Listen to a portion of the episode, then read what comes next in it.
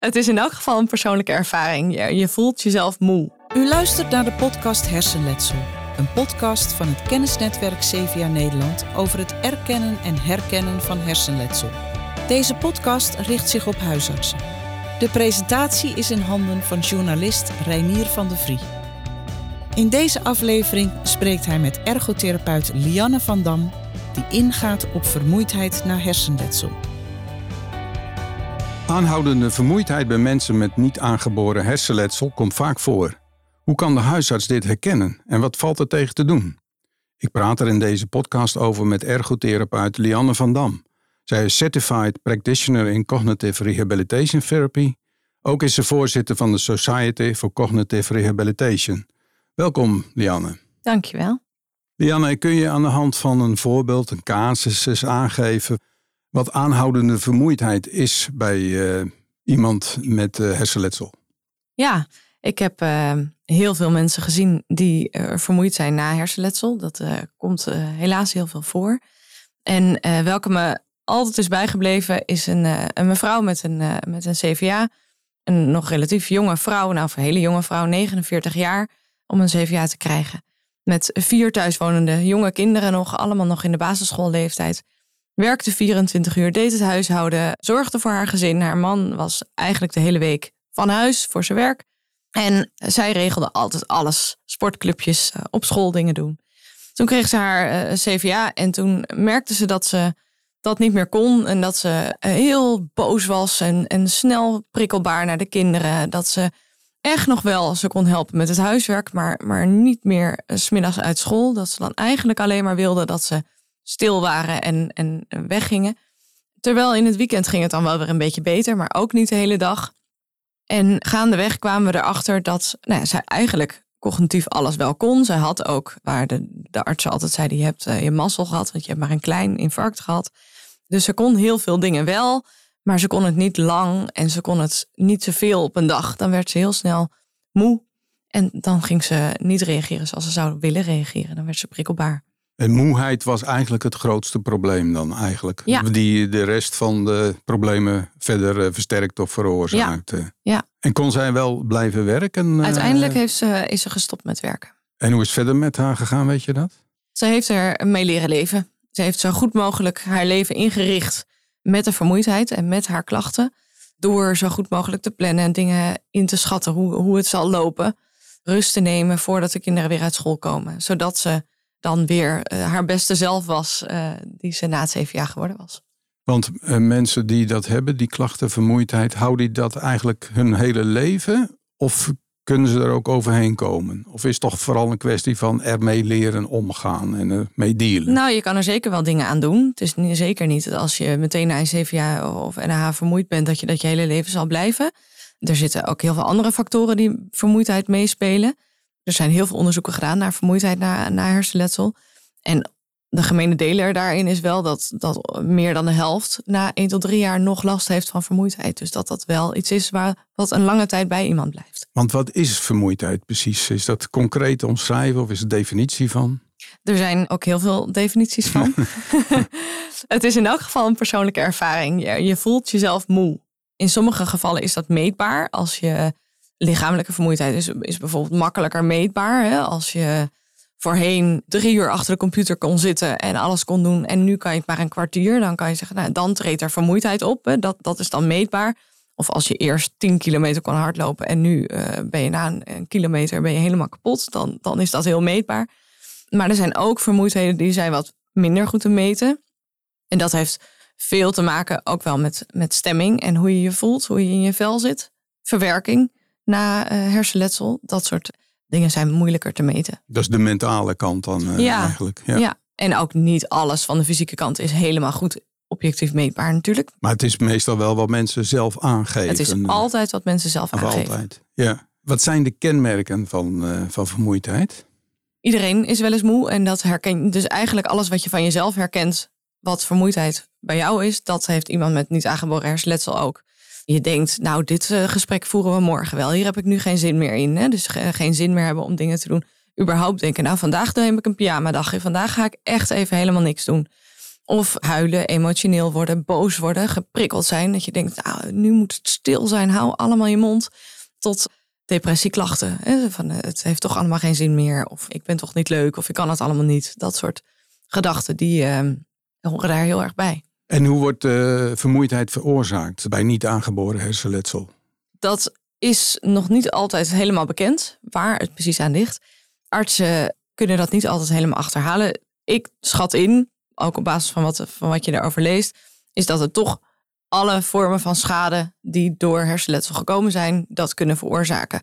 Afgezien van het feit dat je iets hebt meegemaakt, wat natuurlijk heel heftig is en wat je ook moet verwerken. Dus niet alleen een lichamelijke schade, maar ook een emotionele schade door wat je hebt meegemaakt en wat er met jou is gebeurd, wat je allemaal verloren hebt, tijdelijk of definitief door wat er gebeurd is. Ik refereerde daar bij de casus ook al aan. Eh, er wordt toch wel eens gezegd tegen mensen: ach, je hebt mazzel gehad of je hebt maar een klein infarct of er is maar weinig schade. En dat impliceert dat mensen er dus redelijk restloos vanaf zouden moeten komen. Maar ook juist die lichte schade en die kleine infarcten, TIA's, kunnen hele grote gevolgen hebben op het gebied van, van energie en vermoeidheid. En als je het hebt over lichamelijk letsel, hè, bijvoorbeeld als je halfzijdig verlamd bent, dan zie je het ook. Hè, dan kost het iemand meer moeite om iets te doen. En dat meer moeite kost, het kost dus meer energie. En als je hebt een bepaalde pot energie aan het begin van de dag. En als je daar meer in moet stoppen om elke activiteit te doen, dan is je pot sneller leeg. Dus dan is het heel duidelijk, daar word je sneller moe van. Dan kan je minder op een dag. Bij cognitief letsel is dat wat minder makkelijk te zien, want dat speelt zich natuurlijk allemaal af in je hoofd.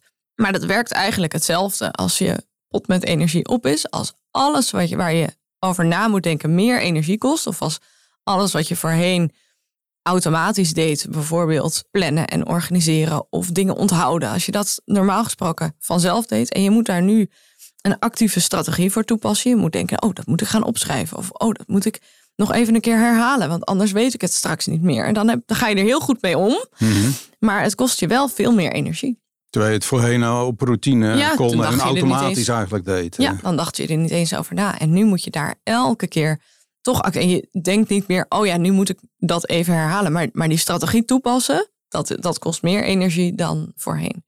Want door uh, het eh, aangebrachte letsel werken je hersens dan anders? Ja, dat, uh, ja de, er zijn celletjes kapot gegaan bij hersenletsel. En je hebt gelukkig een brein wat niet alleen maar met die cellen dingen kan. Soms ook wel, als je het over praten hebt bijvoorbeeld, of over taal. Maar het grootste deel van het brein kan dingen op verschillende manieren aanvliegen. Maar ik vergelijk het ook altijd wel met snelwegen als ik het patiënten probeer uit te leggen. Als je van Amersfoort, waar ik dan werkzaam ben, naar Amsterdam wil, dan ga je over de A1. Want dat is het snelste en het makkelijkste. Maar als de A1 het niet doet, of die is kapot, of er zijn wegwerkzaamheden, dan lukt dat niet meer. Dan kan je niet meer via die route naar Amsterdam. Dus dan moet je een andere weg nemen. Dan moet je uh, via B-weggetjes, provinciale wegen of een andere snelweg nemen. Maar het kost altijd meer brandstof om daar te komen. Want het is niet de meest efficiënte route. En zo werkt het ook in het brein. Het lukt je heus wel om die dingen te doen, maar niet meer op dezelfde manier. En dat kost meer energie. Kost meer moeite. Ja, kost en meer eerder vermoeidheid. Ja. Kun je ehm, aangeven in cijfers eh, hoe vaak vermoeidheid eh, voorkomt bij eh, mensen met niet aangeboren hersenletsel? Ja, dat, is dus heel subjectief en, en er zijn heel veel onderzoeken naar gedaan de cijfers verschillen tussen de 26% en 85% van mensen die vermoeidheidsklachten hebben na hersenletsel. En dat verschilt dan ook wanneer zo'n onderzoek gedaan is, na één jaar of na drie jaar na het hersenletsel. Maar als we in zijn algemeenheid zeggen dat meer dan de helft er langdurig last van heeft, dan denk ik dat dat wel aardig klopt. En dan is wel een serieus uh, probleem. Heel serieus uh... probleem. Het is ook heel vervelend om dat te moeten zeggen. Als je hersenletsel hebt gehad en je ziet niks aan je, ofwel, iedereen is wel eens moe. Dus het is ook best wel een drempel voor mensen om te zeggen zo van ja, ik, ik, ik, kan niet mee, want ik ben moe. Of het lukt me niet, want ik ben moe. Dat is, als je iets niet kan, dan is dat heel duidelijk. Maar als je het niet kan omdat het te veel op een dag is, of omdat het nu niet in je, in je schema past, dan is dat wel vervelend. En dat is sociaal ook. Uh, dat is sociaal heel lastig, ja. Want dan zeg je, zegt je familie, ja, ik ben ook wel eens moe. En de vorige keer kon je het wel. Dat zijn opmerkingen die patiënten heel veel horen. En dat is natuurlijk niet leuk. En daardoor ga je ook heel vaak weer over je grens heen. Ga je het toch doen. Dat je denkt, ja, iedereen is wel een beetje moe. Ik ga het toch gewoon doen. Met het gevolg dat je in een soort visueuze cirkel komt. Waarin je jezelf constant overbelast. Je vraagt constant steeds te veel van jezelf. Dat moet je weer bijslapen. Moet je, je moet dat op, op een of andere manier moet je daar de rekening voor betalen. Voorheen deed je dat met eens in de zoveel weken een keer een pyjama-dag en een dag hè, Netflix op de bank. Maar als je dat constant doet, elke dag, dan steven je uh, bij wijze van spreken een burn-out af. Hè? Dan, op een gegeven moment gaat het niet meer en, en ben, je, ben je op. En dat zie je dus ook veel gebeuren in de, in de revalidatie. Dat mensen zo lang zijn doorgegaan, zo ver over hun grens zijn gegaan, constant, dat het dan gewoon op is en dat ze dan andere klachten krijgen. En voor de omgeving is, uh, lijkt me dat ook heel lastig. Zeker ja. Uh, ja met die uh, mevrouw die je noemde van 49 ja. met ja. vier kleine kinderen. Kinderen die begrijpen dat waarschijnlijk nee, die niet. gaan niet zeggen, ja, die, die zullen misschien wel zeggen, oh mama is moe. Maar even goed vragen ze, wil je drinken voor me pakken? Of wil je me helpen met mijn huiswerk? Of mag Pietje komen spelen? Constant moet je dan dus heel goed je eigen grenzen en je eigen mogelijkheden be bewaken. Als je al weet waar die liggen. Als je al weet wat je wel en niet aan kan op een dag. Hoe kan een huisarts vaststellen of iemand echt deze klachten heeft en vermoeidheid? Ja, ik denk dat, dat het signaleren heel belangrijk is. En dat dat ook essentieel is om diegene te gaan helpen. En dat uh, signaleren, dat, dat kan op verschillende manieren. Uitvragen is natuurlijk zeker een hele goede manier. Maar misschien komt ook wel de partner of de familie van diegene met uh, problemen. Misschien zijn er wel relatieproblemen, omdat de partner het, het ook gewoon niet goed in kan schatten en zegt van ja, hij wil nooit meer mee of we doen niks meer of zit alleen maar op de bank. Hè, dat, dat daardoor dat soort signalen komen. Dat iemand niet goed participeert in zijn eigen leven, dat hij niet goed zijn werk meer kan oppakken. Het kan heel veel oorzaken hebben, maar vermoeidheid is er zeker één van. En gezien de cijfers niet één die uh, pas als laatste aan bod moet komen. Dus het is wel belangrijk om daar heel snel aandacht voor te hebben na een uh, CVA. Ja, en het blijft dus heel subjectief. Dus je kan dat moeilijk meten. Je kan moeilijk een vragenlijst of een test afnemen om te meten hoe vermoeid iemand is. Er wordt binnen de neuropsychologie bijvoorbeeld wel uh, neuropsychologisch onderzoek gedaan. En als iemand daar dan alles goed op doet, dan is het logisch dat het te maken heeft met vermoeidheid. Als mensen toch klachten ervaren in het dagelijks leven. Want dan kan je dus alles wel, maar niet zo lang. Of niet zozeer dat je het in het dagelijks leven goed kan toepassen dan kan uh, vermoeidheid daar zeker een rol in spelen. Er zijn ook wel wat meetinstrumenten, bijvoorbeeld uh, FSS, maar die is oorspronkelijk niet ontworpen voor niet aangeboren hersenletsel. Wat is uh, dat? de waar Fatigue is dat Severity Scale. Fatigue staat voor vermoeidheid en de ernstschaal. En je hebt ook de Occupational Balance Questionnaire. Die heeft een, wat meer vragen gericht op: heb je daar wel eens last van? Kan je dat wel eens? Heb je daar wel eens moeite mee? Dat is al iets maatschappelijker uh, ingesteld. En je kan natuurlijk ook altijd een vast score inzetten. Hoe moe ben je op een schaal van 0 tot 10? Waarbij het dan wel geldt dat een vermoeidheidsscore per persoon heel erg kan verwisselen. Per dag heel erg kan verwisselen. Per moment van de dag kan verwisselen. In het geval van de casus zou zij ochtends een vast score van 2 geven. Dus als hij 's ochtends bij de huisarts zit, nou, dan is ze helemaal niet zo moe. Maar uh, vraag je het middags om 4 uur, dan geeft ze een 10. Dan wil ze het liefst iedereen de deur uit en slapen. Dus daarin is het wat minder makkelijk te zeggen van nou vanaf een 7 gaan we er wat aan doen of zo. Dat, dat blijft natuurlijk altijd heel subjectief. Dus die schalen kun je wel inzetten, maar dat moet je met een zekere verstandigheid eh, doen en Ja. met een blik van uh, wat het kan betekenen. Ja, en vooral ook niet van één cijfer uitgaan. Dus, dus uh, het wordt vaak gemeten met een, met een logboek of een dagboekvorm. Dus dat mensen een week of, of meerdere dagen op verschillende momenten van de dag zo'n score geven zodat je daarin ook een beetje een patroon kan zien. Hè? Is, is iemand nou s ochtends altijd juist wel moe, juist niet moe? Dat kan natuurlijk ook dat mensen heel moe opstaan en in de loop van de dag opknappen. Heeft ook met, met de aard van de persoon te maken. En dat je dan een beetje kan zien van, uh, en hoe beperkt dat jou dan? Als je s ochtends altijd hartstikke moe bent en je moet wel om half negen op je werk zijn, ja, dan snap ik dat je niet meer naar je werk kan, dat dat niet meer lukt. Dus wat kunnen we dan gaan doen? Daar moet de huisarts wel even tijd uh, voor kunnen vrijmaken. Want Ja. dat doe je niet in uh, vijf minuten lijkt me. Nee, nee, dus de, nee, dat doe je zeker niet in vijf minuten. Nee, dus nee, ik, ik denk ook dat de POH daar wel een, een rol in kan spelen. Die zijn vaak ook wel in beeld bij mensen met een CVA of NAH. Of anders uh, de zorgverleners inzetten die daar goed in zijn. Ja, want wie kan de huisarts daarbij bij betrekken dan? Welke zorgverleners? Van dat? alles ligt eraan wat, waar de huisarts inschat dat het grootste probleem zit. Kijk, als je halfzijdig verlamd bent en je, hebt moeite met lopen, dan is het logisch dat je bijvoorbeeld naar een fysiotherapeut gaat. Dat je kijkt of je die activiteit kan gaan aanpassen, iemand fitter kan krijgen, waardoor als je lichamelijke conditie toeneemt, dan wordt je potje ook weer wat groter hè, met energie om uit te putten. Dat zou dan meer een lichamelijke kant zijn die, die op kan gaan. Als het meer gaat over het uitvoeren van de activiteiten en een hele dag volhouden, dan zou ik eerder naar een ergotherapeut gaan. Want die heeft meer zicht op het hele plaatje en wat is belangrijk voor je en welke activiteiten kosten welke energie. En als het meer gaat over stemming en problemen in de mentale belastbaarheid, dan is een psycholoog logischer om naartoe te gaan. Want wat, wat kan een huisarts nog meer aan dit uh, probleem doen als uh, hij of zij constateert dat vermoeidheid toch uh, een belangrijk probleem is? Dan is erkenning in elk geval heel belangrijk. Dat kan een huisarts zeker doen. Erkennen dat dat probleem speelt en dat dat heel veel impact heeft op het dagelijks leven. Op alle facetten van het dagelijks leven kan het impact hebben. En daar met, met de patiënt over praten en, en dan zoeken naar de pijnpunten, zeg maar. Waar zit het nou en waar uh, heb je het meeste last van? En daar dan de juiste hulpverleners op zetten. Ik denk dat dat. Het kan bijvoorbeeld ook, ja, kan ook dat iemand depressieve klachten zijn, omdat hij alleen maar alleen in zijn huis zit na het CVA. En dat, er, dat hij weinig nog naar buiten kan door lichamelijke klachten. En dat iemand veel meer gebaat is bij een sociaal contact. Of, of iemand van, van het sociaal team die met diegene optrekt naar welke hobby's vind je leuk om te doen. Ja. Dus, dat, dus dat kunnen ook allemaal, allemaal uh, gevolgen zijn.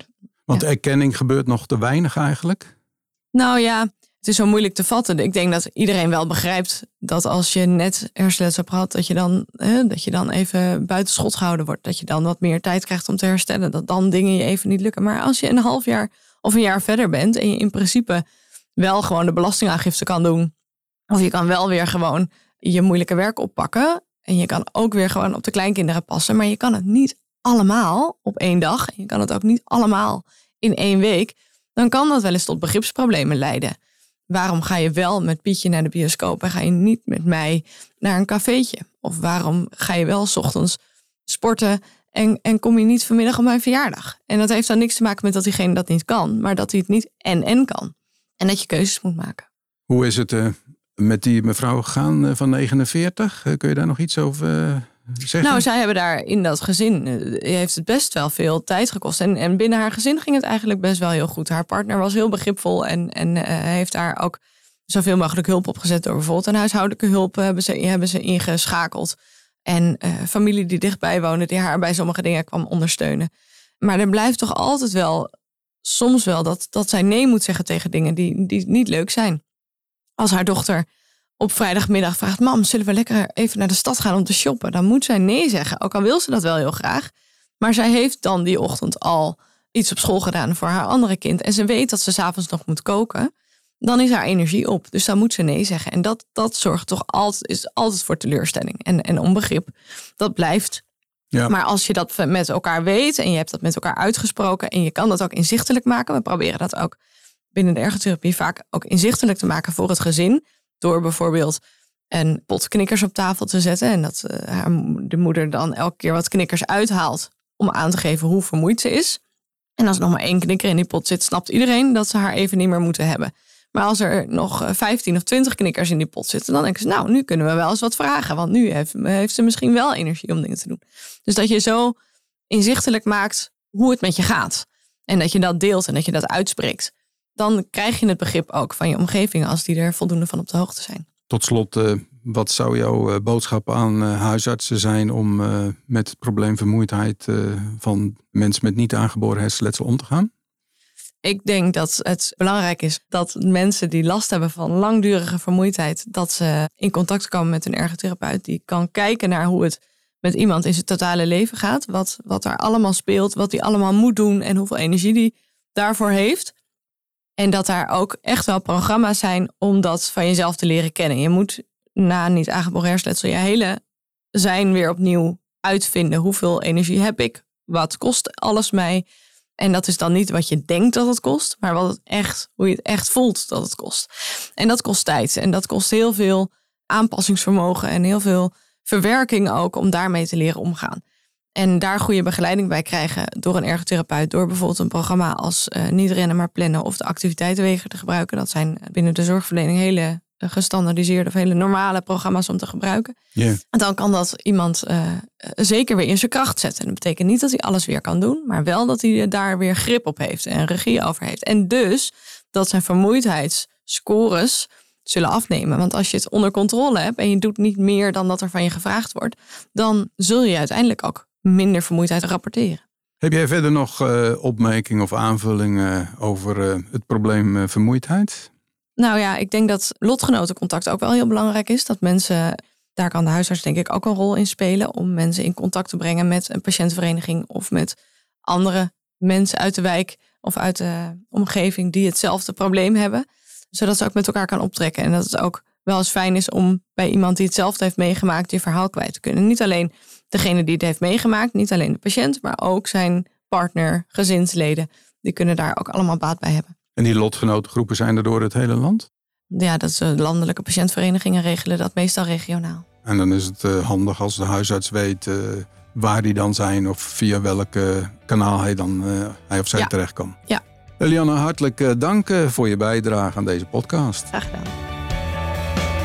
U luisterde naar Hersenletsel, de podcast van Kennisnetwerk CVA Nederland over gevolgen van hersenletsel. Andere afleveringen zijn er met Vincent Kwa over hoe de huisarts de patiënt zorg kan verlenen bij symptomen van hersenletsel, met Christel op stal over de gevolgen van hersenletsel voor de omgeving van de getroffenen, met Ike Winkens over verstoord ziekteinzicht en met Frank Wiendels over overprikkeling en verstoorde emotie bij hersenletsel.